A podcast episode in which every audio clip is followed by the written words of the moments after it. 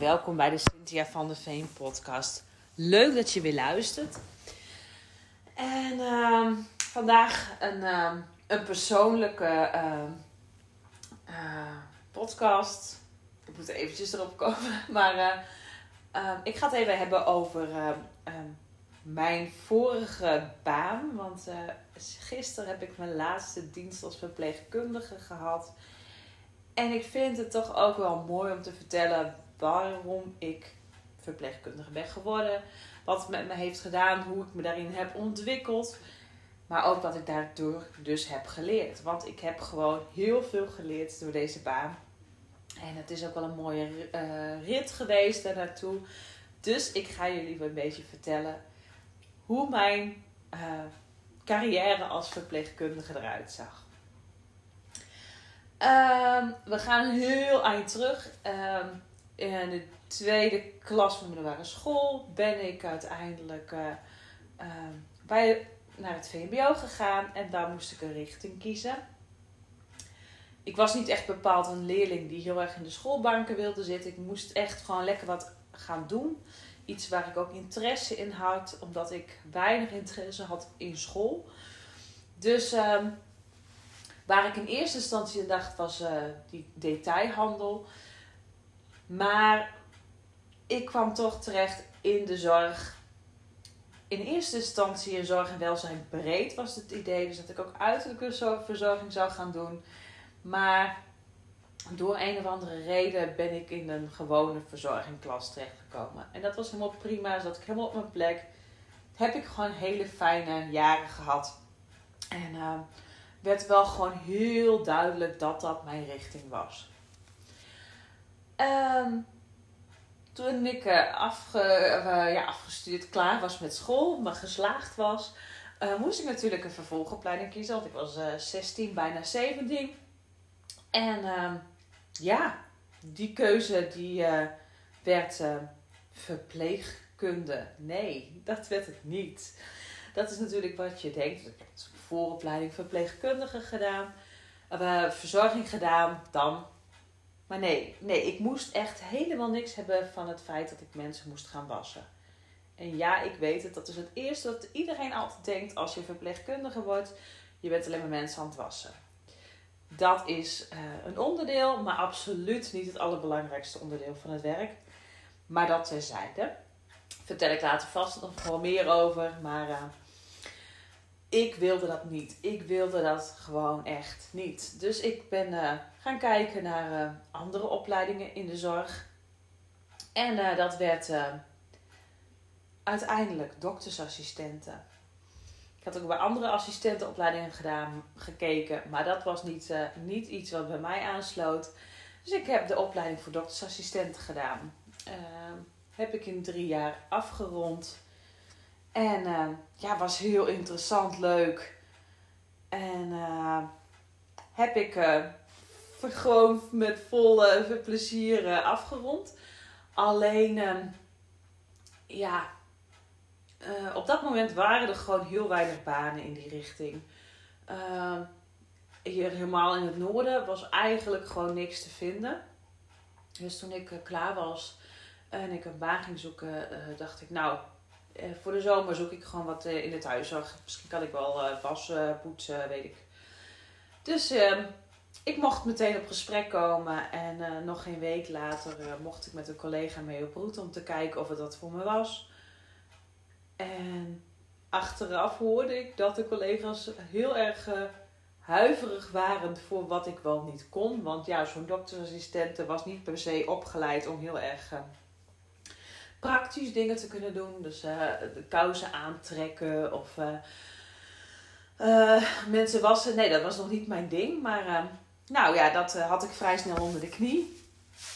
En het was wel helemaal zoiets van, oh, dit vind ik leuk. A, in de thuiszorg. Dus je bent gewoon lekker zelf op route en eigen baas. Je, je kan gewoon, ja, je bent gewoon zelf op pad. En dat vond ik wel heel fijn. Maar het was niet meteen dat ik het op die manier uh, zo wilde blijven doen. Dan moest ik wel ook nog een opleiding gaan volgen. Want ja, ik had het nu even als tijdelijk. Maar dan, dan moest ik toch echt wel uh, wilde ik zelf wel verpleegkundige worden. Aangezien ik een, HBO, een MBO-opleiding had afgerond, besloot ik om de HBOV te gaan doen. Die heb ik uiteindelijk afgerond in Groningen. Ik heb ook heel even in Leeuwarden gedaan, maar dat sloot niet bij mij aan. Dus in 2010, in het jaar dat onze. Nee, 2012, sorry. In het jaar dat onze zoon geboren werd, uh, ben ik afgestudeerd als HBO-verpleegkundige. En uh, heb ik hoogzwanger mijn diploma opgehaald.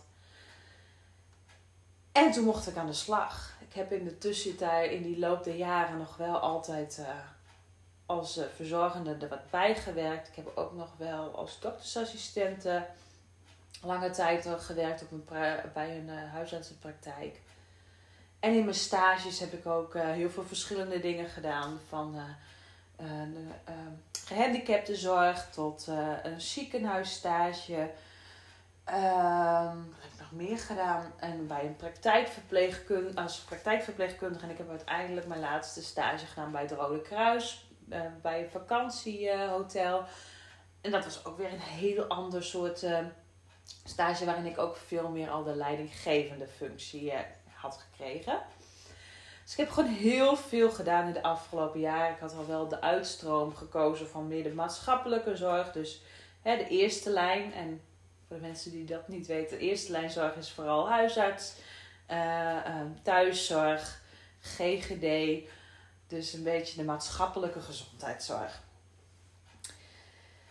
Um, ik heb in al die 16 jaar bij dezelfde organisatie, thuiszorgorganisatie gewerkt. En uh, ja, voordat ik met verlof ging, omdat ik uh, zwanger was en dus afgestudeerd was, had ik al de garantie dat ik na, de zomer, na mijn verlof uh, terug mocht komen als verpleegkundige.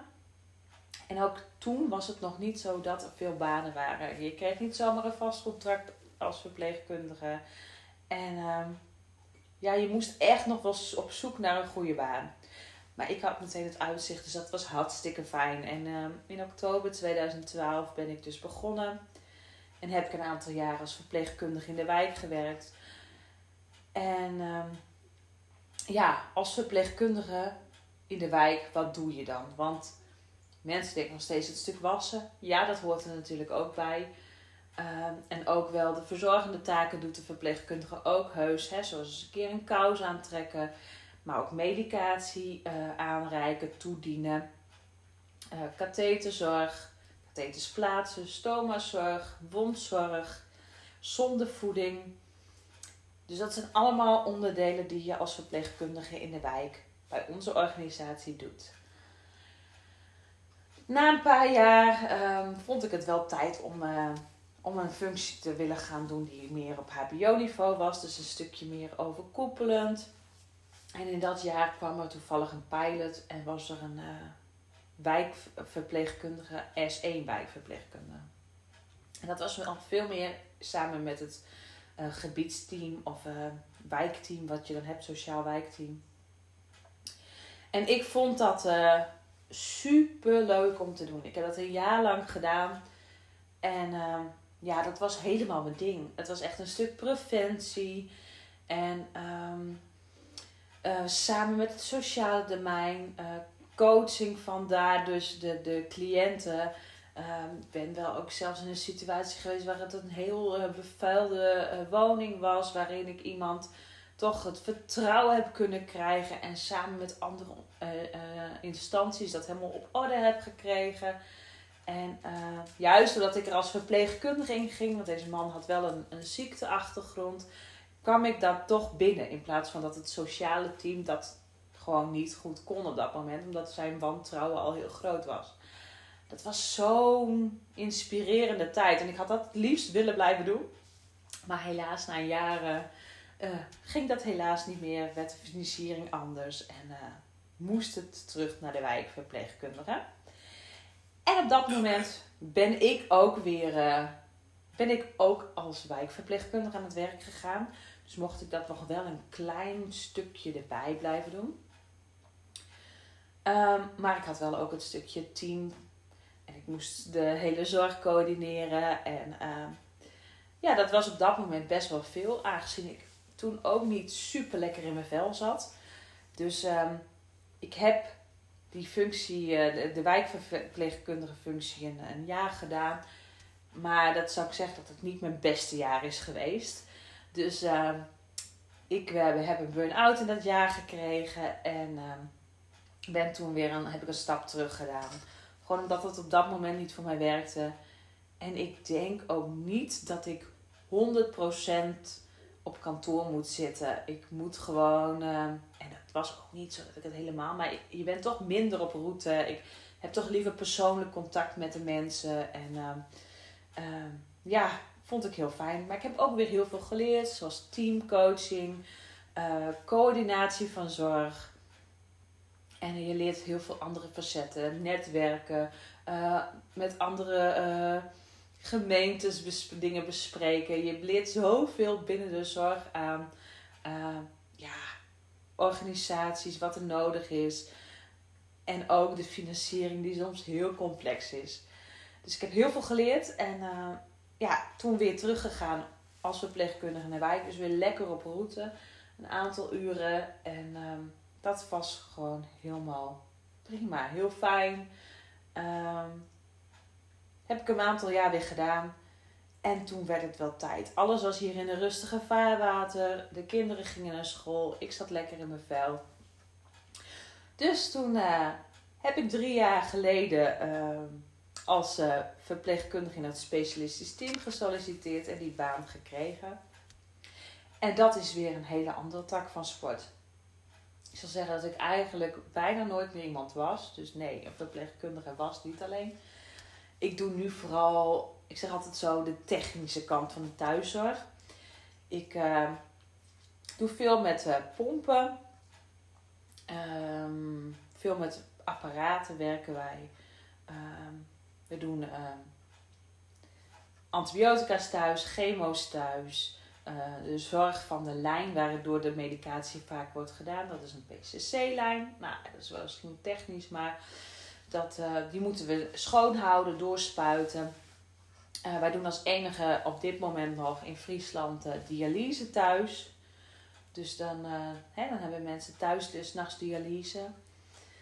Uh, ik zit nog even te denken, wat doen we allemaal? We doen bijvoorbeeld ook voeding via de bloedbaan door middel van een pomp. En uh, wij doen ook een heel groot stuk palliatieve zorg. En uh, het is dus een stuk minder ehm, intensief lichamelijk, maar daarentegen wel een stuk mentaler. Eh, het, vooral het stuk palliatieve zorg is iets waar ik in het begin best wel even aan moest wennen. Wat ik ook wel heel spannend vond. Maar waar ik toch al gauw wel mijn draai in heb gevonden. En uh, als ik vertel wat, ik dan, uh, wat voor baan ik heb en wat ik dan doe, dan zeggen veel mensen: Oh, dat zou ik niet kunnen. Nee, ik denk ook echt niet dat iedereen dat kan. Um, ik denk wel dat je met een bepaalde mindset en um, de, uh, dat je wel ook een bepaalde copingstrategie, dus dat je een bepaalde manier vindt om ermee leren om te gaan. Maar het blijft gewoon een hele ja, pittige, een pittig stuk van het werk. Uh, vooral bij het starten van een sedatie. Uh, wij doen dus ook echt dat mensen uh, hun bewustzijn veranderen door middel van medicatie. Hè, als mensen weten van nou, het wordt ondraaglijk lijden of mensen worden onrustig en de huisarts ziet dat dat ja, gewoon niet meer houdbaar is. Dat het ook gewoon niet comfortabel is. Want daar gaan we echt heel erg voor, voor comfort. En dat het ook echt gewoon niet langer dan twee weken gaat duren. Dan uh, kan er gestart worden met palliatieve sedatie. En uh, het wordt nog wel eens verward met euthanasie, maar dat is absoluut niet het geval. Er wordt niks versneld in het proces. Het is alleen zo dat iemand zijn bewustzijn veranderd wordt en ook bijvoorbeeld de pijnbeleving. Dus vaak is het een combinatie van twee medicaties die ervoor zorgen dat iemand zijn bewustzijn en iemand zijn pijn en benauwdheid verandert. En um, ja, wij starten die sedatie onder andere en dan, um, ja, dan ben je er dus bij dat vaak de familie afscheid neemt. En um, ja, dat is een heel intiem moment en het voelt ook echt wel uh, soms als dat je daar eigenlijk gewoon niet. Je hoort er ook niet bij, je bent ook te veel. Dus ik probeer me ook echt zoveel mogelijk uh, afzuidig op te stellen. Dat, dat dat hun moment is, dat ze de ruimte daarvoor hebben. Ehm, het is natuurlijk heel belangrijk dat ik heel goed uitleg wat er allemaal kan gebeuren, uh, wat ze kunnen verwachten. En ehm, gewoon open en eerlijk communiceren. En ehm, ja, ik kan zeggen dat ik daar best echt wel heel goed in ben. Dat ik dat in de afgelopen jaren um, ja, mijn eigen heb gemaakt. En ja, dat het best wel heel heftig kan zijn, maar juist doordat ik daarbij kan zijn en dat mensen de goede dosering voor de cliënt kan vinden, dat het daardoor een stuk draaglijker wordt. En dat is denk ik ook überhaupt in mijn hele werk uh, gewoon heel belangrijk. Naast dat het technische handelingen zijn, is het ruimte voor gesprek, uh, ruimte voor emoties. Mensen ja, waar ik kom zijn toch vaak wel heel erg ziek of zijn langdurig ziek geweest. Of um, moeten weer aansterken. En uh, ja, die terugslag die mensen hebben gehad, bijvoorbeeld in hun conditie, in het feit dat ze niet alles meer kunnen doen wat ze altijd hebben gedaan. Ja, dat, dat is best wel emotioneel. En daar zit eigenlijk wel een stukje rouw in. Dat stukje verwerken van het feit dat je niet meer alles kan op dat moment. Dat je misschien niet eens weet wanneer je dat weer kan. En um, ja, dat is wel. Um, dat is een heel belangrijk iets. En ik, ik, ja, ik denk dat ik daarin ook wel heel goed ben. Dat ik mensen daarin goed kan begeleiden. En dat ik daar de tijd voor neem. Um, ja, dus een hele hoop verteld over wat het allemaal doet. En in de thuiszorg is het dan ook nog eens een keer zo dat je dus op zoveel verschillende plekken komt. Zoveel verschillende situaties. Elke keer weer moet aanpassen. Uh, je moet schakelen.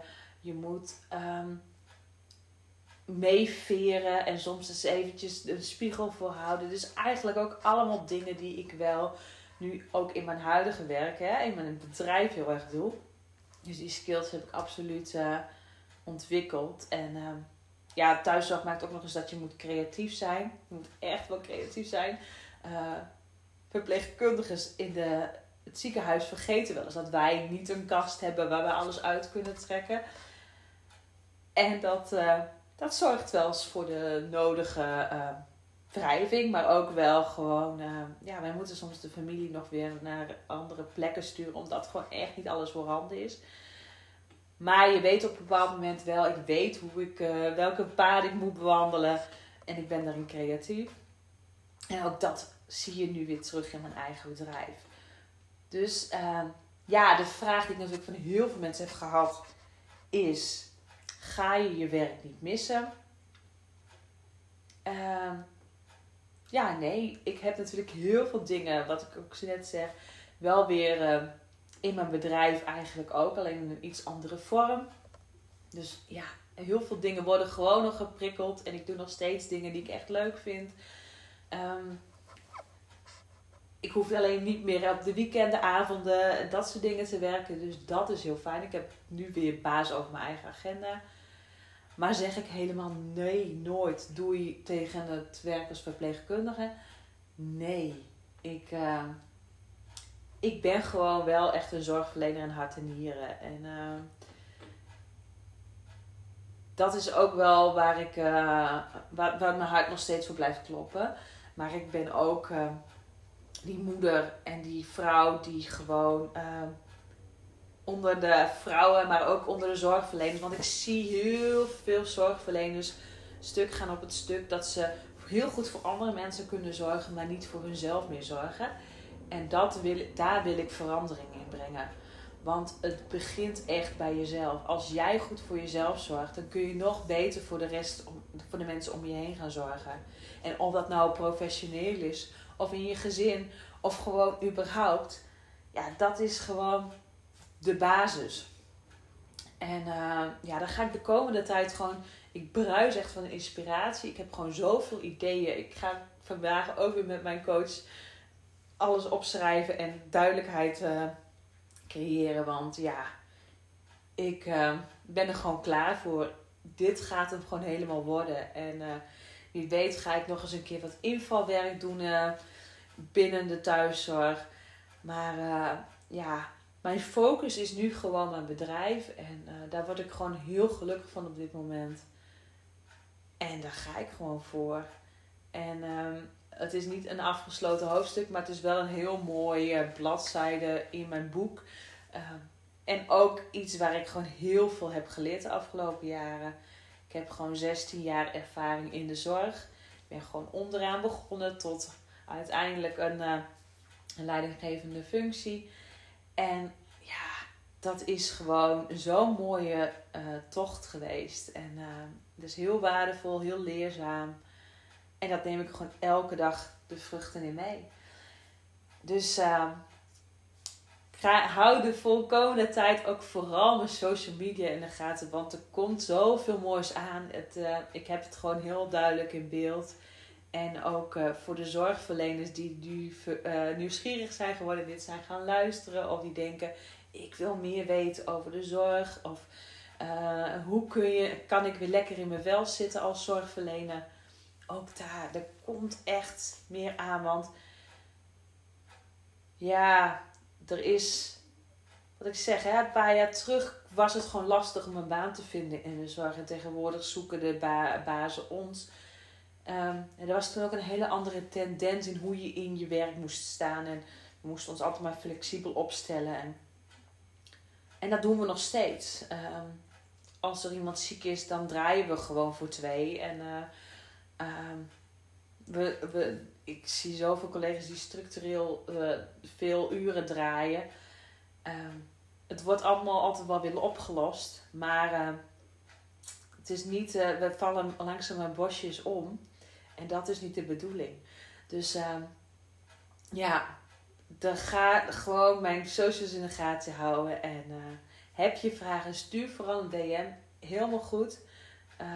Vind je het leuk om eens een keer uh, met elkaar te spreken erover? Ik sta er helemaal voor open. Doe me vooral een bericht. In ieder geval bedankt dat je deze keer weer hebt geluisterd. Het is best wel een lange volgens mij. Ja, het hebben al meer dan 20 minuten gekletst. Maar uh, ik laat het voor deze week hierbij. Bedankt voor het luisteren en tot volgende week.